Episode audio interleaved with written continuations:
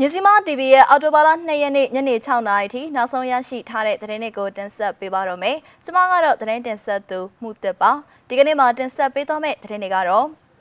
မန္တလေးတန်ခသမက်ကတပိတ်စစ်ကြောင်းပြစ်ခတ်ဖြုတ်ခွင်းခံရပြီးတန်ခ6ပါးကိုဖမ်းဆီးသွားတဲ့သတင်း။ခရမ်းမြို့ရိုးကြီးကျေးရွာအနီးမှာဒူရဲအုပ်ပြစ်ခတ်သေးဆုံးပြီးတဲ့နောက်ဒေသခံ2ဦးဖမ်းဆီးခံရတယ်ဆိုတဲ့သတင်း။ ဝန်တွင်မြို့နယ်ကမိုက်တာတာဝါတိုင်းဝါယာကျိုးတွေကိုမင်းကြီးနောင်အဖွဲ့မီးရှို့ဖျက်ဆီးတယ်ဆိုတဲ့တဲ့ဆယ်စုနှစ်နဲ့ချီတည်ရှိနေမယ်ကုန်စည်ပြပွဲအတွက်ဒူဘိုင်းရဲ့မြို့သစ်အကြောင်းစတဲ့သတင်းတွေကိုတင်ဆက်ပေးသွားမှာပါမန္တလေးမြို့ကသတင်းနဲ့စလိုက်ချင်ပါတယ်မန္တလေးမြို့မှာဆီယနာရှင်ပြုတ်ကြရေးနေ့စဉ်ချီတက်ဆန္ဒပြနေတဲ့မန္တလေး တန်ကသမက်ကတပိတ်စစ်ကြောင်းကိုဒီကနေ့အော်တိုဘာလ2ရက်နေ့မွန်းလွယ်ပိုင်းမှာအကြမ်းဖက်စစ်ကောင်စီလက်နက်ကိုင်အဖွဲ့ကအကြမ်းဖက်ပစ်ခတ်ဖြိုခွင်းခဲ့ရမှာတန်က6ပါအဖမ်းခံခဲ့ရကြောင်းချီတက်ရမှာပါဝင်တဲ့ဆရာတော်တပားထံကနေသိရပါတယ်အကြမ်းဖက်စစ်ကောင်စီလက်နက်ကိုင်အဖွဲ့ကတန်ကသမက်ကတပိတ်စစ်ကြောင်းကိုမဟာအောင်မြေမြို့နယ်ရွှေဘိုကျောင်းတိုက်အနီးမှာခြိတက်နေစဉ်ကားနဲ့ဝင်တိုက်ပြီးပြစ်ခတ်ဖြိုခွင်းခဲ့ခြင်းဖြစ်ပါတယ်။ တပိတ်စစ်ကြောင်းကိုဖြိုခွင်းဖမ်းဆီးခံခဲ့ရပြီးထိခိုက်မှုရှိမရှိမသိရသေးပါဘူး။လက်ရှိမှာစိန်ပန်းပင်မရွှေဘိုကျောင်းပပတ်လေကိုစစ်ကောင်စီတပ်ဖွဲ့တွေကအင်အားအလုံးကြီးဖြင့်ဝိုင်းထားကြောင်းသိရပါတယ်။ရန်ကုန်တိုင်းဒေသကြီးခရမ်းမြို့နယ်အတွင်းကသတင်းနဲ့ဆက်လိုက်ချင်ပါတယ်။ ရန်ကုန်တိုင်းဒေသကြီးခရမ်းမြို့နယ်အတွင်းကရိုးကြီးကျေးရွာအနီးမှာမနေ့ကအော်တိုဘာလတရက်နေ့ညပိုင်းကရဲတပ်ဖွဲ့ဝင်တချို့နဲ့စစ်ကောင်စီတပ်သားတချို့ပြစ်ခတ်ခံခဲ့ရပြီးဒူရဲအုပ်တအူတေဆုံးခဲ့တဲ့နောက်ဒေသခံ2ဦးကိုဖမ်းဆီးသွားတယ်လို့ဒေသခံတွေက BBC ကိုပြောကြားသိရပါတယ်။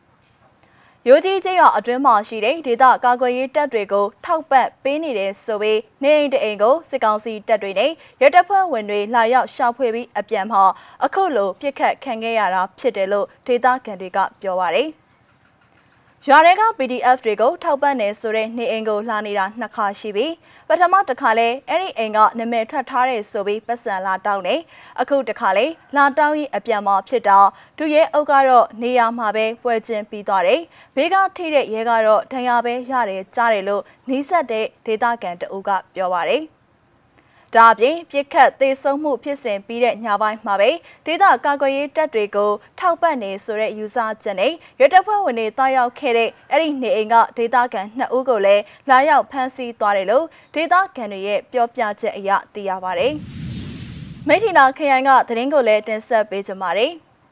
ဝမ်တွင်မြို့နယ်နဘဲကန်ကျေးရွာနာကမိုက်တာတာဝါတိုင်းရဲ့ service wire ကျိုးတွေကိုမင်းကြီးနောင်ပျောက်ကြားတက်ကအခုလတရဲနေ့မှာဓာတ်စီလောင်မီးရှို့ခဲ့တယ်လို့သူတို့အဖွဲ့ကထုတ်ပြန်ထားပါတယ်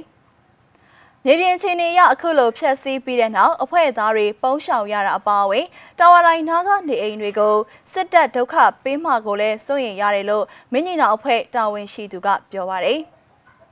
ပြီးခဲ့တဲ့လမှာတဖန်းရွာကမိုက်တာတာဝါတိုင်းကိုဖျက်ဆီးခဲ့ချိန်တုန်းကရွာသားလေးဦးကိုလည်းစစ်တပ်ကဖမ်းဆီးသွားခဲ့ပူပါတယ်။လက်ရှိမှာတော့အဖွဲ့အနေနဲ့လက်နက်ခဲယမ်းအခက်ခဲတွေရှိလို့စက်သွေးတာဝါတိုင်းတွေဖျက်ဆီးတာဒလန်ရှင်းတာမျိုးတွေလောက်ပဲလုံနိုင်သေးတယ်လို့သိရပါတယ်။လက်နက်ခဲယမ်းအလုံးလောက်ရလာရင်တော့စစ်ကောင်စီတပ်သားတွေကိုစစ်စင်ရေးချက်ချင်းစောင့်မှဖြစ်တယ်လို့လည်းမင်းညီနောင်ပျောက်ကြားတက်ကပြောထားပါသေးတယ်။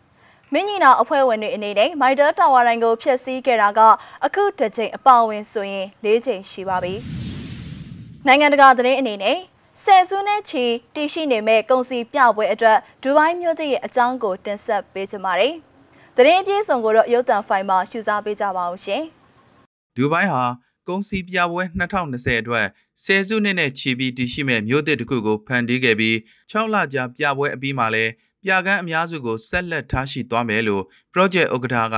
AFP ကိုပြောပြခဲ့ပါတယ်။ဒေါ်လာ9ဘီလီယံတန်ရွေချက်ရှိရှိတိစောက်ထားတဲ့ပြပွဲမျိုးတွေမှာယာနဲ့ချီတဲ့ပြကန်းတွေပြပွဲခမ်းမတွေပါဝင်ပြီးမိုနာကိုထက်နှစ်ဆကျယ်ဝန်းတဲ့ဒူဘိုင်းရဲ့စင်ကြေပုံးကကျယ်ပြန့်တဲ့နေရာတစ်ခုမှာတည်ရှိပါတယ်။ ရေရှည်တည်တဲ့ခိုင်မြဲဖို့အဓိကရည်ရွယ်တိစောက်ထားတဲ့ကုန်စည်ပြပွဲ2020ကိုမက်လာကအပြီးတန်နိုင်ခဲ့ပြီးလေးအေးပေးဆက်နီးပညာကိုဖော်ဖော်တည်တည်သုံးစွဲထားပေမဲ့အချီးအနီးဖြစ်မှာမဟုတ်ဘူးလို့ညွှန်ကြားရေးမှူးချုပ် Ram El Hanshimi ကဆိုပါတယ်။ဒါဟာကုန်စည်ပြပွဲတစ်ခုအတွက်ရင်းနှီးမြှုပ်နှံမှုမဟုတ်ဘဲဒဒူဘိုင်းနဲ့အဘူဒါဘီကြားကတူညီတဲ့အကွာဝေးတစ်ခုနေရာမှာမြို့သစ်တစ်ခုတည်ဖို့ရင်းနှီးမြှုပ်နှံမှုဖြစ်ပြီးတကယ့်ကိုအနာဂတ်ပုံစံမြို့တစ်ခုဖြစ်ပါတယ်လို့ သူမကအင်တာဗျူးတစ်ခုမှာပြောကြားခဲ့ပါတယ်။ဒီရင်းနှီးမြှုပ်နှံမှုကလာမယ့်2040 2050ကာလတွေနောက်ပိုင်းထိတည်ရှိနေမဲ့မြို့တစ်မြို့အတွက်ပါ။နောက်ပြီးဒီကပြကန်းတွေပြပွဲအဆောက်အဦတွေကိုဖျက်သိမ်းမပစ်ဖို့ကိုလည်း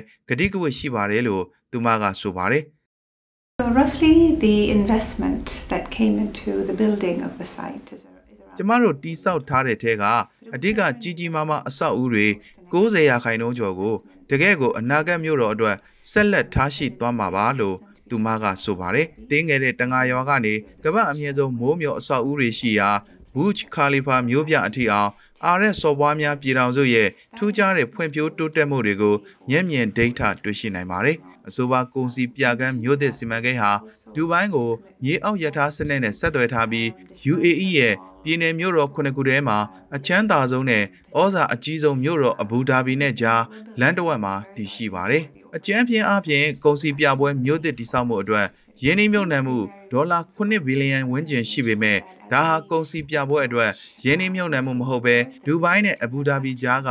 5G နည်းပညာသုံးအနာဂတ်မျိုးသစ်တစ်ခုအတွက်ရင်းနှီးမြှုပ်နှံမှုဖြစ်ပါတယ်လို့နိုင်ငံတကာပူးပေါင်းဆောင်ရွက်ရေးဝန်ကြီးနဲ့ကုန်စည်မျိုးသစ်2020ဒူဘိုင်း project ညွှန်ကြားရေးမှူးချုပ် Ram A Hashimi ကဆိုပါတယ်ဒီနေရာအတွက်အရန်ကိုတာဝန်ယူထားပါတယ်တကမ္ဘာလုံးကဧည့်သည်တွေကိုလက်ခံဖို့သိပ္ပံနည်းကြကြနဲ့အဆင်ပြေအောင်လှုပ်ဆောင်ပေးနိုင်ဖို့အတွက်ညနေဖုံးအကာအကွယ်တွေတက်ဆင်ဖို့လိုပါလိမ့်မယ်ဒီမှာအလုပ်လုပ်မဲ့လူတိုင်းကမဖြစ်မနေကာကွယ်ဆေးထိုးဖို့လိုအပ်မှာဖြစ်ပြီးဧည့်သည်တွေကတော့ကာကွယ်ဆေးထိုးပြီးသား ဒါမှမဟုတ်ယောဂမရှိကြောင်းထောက်ခံချက်တွေလိုအပ်မှာဖြစ်ပါတယ်လို့သူမကဆိုပါတယ်ပြပွဲရဲ့အဓိကအကြောင်းရင်းကရေရှည်တည်တံ့ခိုင်မြဲမှုအခွင့်အလမ်းနဲ့ရွှေ့ပြောင်းနိုင်မှုဆိုတဲ့အချက်၃ချက်ပေါ်မှာမူတည်ပြီးအနာဂတ်ကိုဖန်တီးလိုစိတ်တွေဆက်သွယ်နိုင်ဖို့ဖြစ်ပါတယ်။ဒါကြောင့်ဒီမျိုးပြစီမံကိန်းနဲ့ပြပွဲခင်းကျင်းရမှာရေရှည်တည်တံ့မဲ့အစီအမံတွေကိုအဓိကထည့်သွင်းစဉ်းစားခဲ့ပါတယ်။အနာဂတ်ရာသီဥတုနဲ့ဆက်ဆက်တဲ့စက်မှုလုပ်ငန်းတွေဒါမှမဟုတ် ပြည်မြဲစွမ်းအင်ဆိုင်ရာ စက်မှုလုပ်ငန်းတွေအတွက်အထောက်အကူဖြစ်မဲ့အချက်တွေကိုအစီအစဉ်တကျရေးဆွဲထည့်သွင်းထားပါတယ်လို့သူမကဆိုပါတယ်။မြစီမ TV ရဲ့အော်တိုဘာလ2ရက်နေ့ညနေ6နာရီထိနောက်ဆုံးရရှိထားတဲ့သတင်းတွေကိုတင်ဆက်ပေးကြတာပါကြည့်ရှုနားဆင်ပေးခဲ့တဲ့အတွက်ကျေးဇူးတင်ပါတယ်မင်္ဂလာရှိတဲ့ညချမ်းဖြစ်ကြပါစေရှင်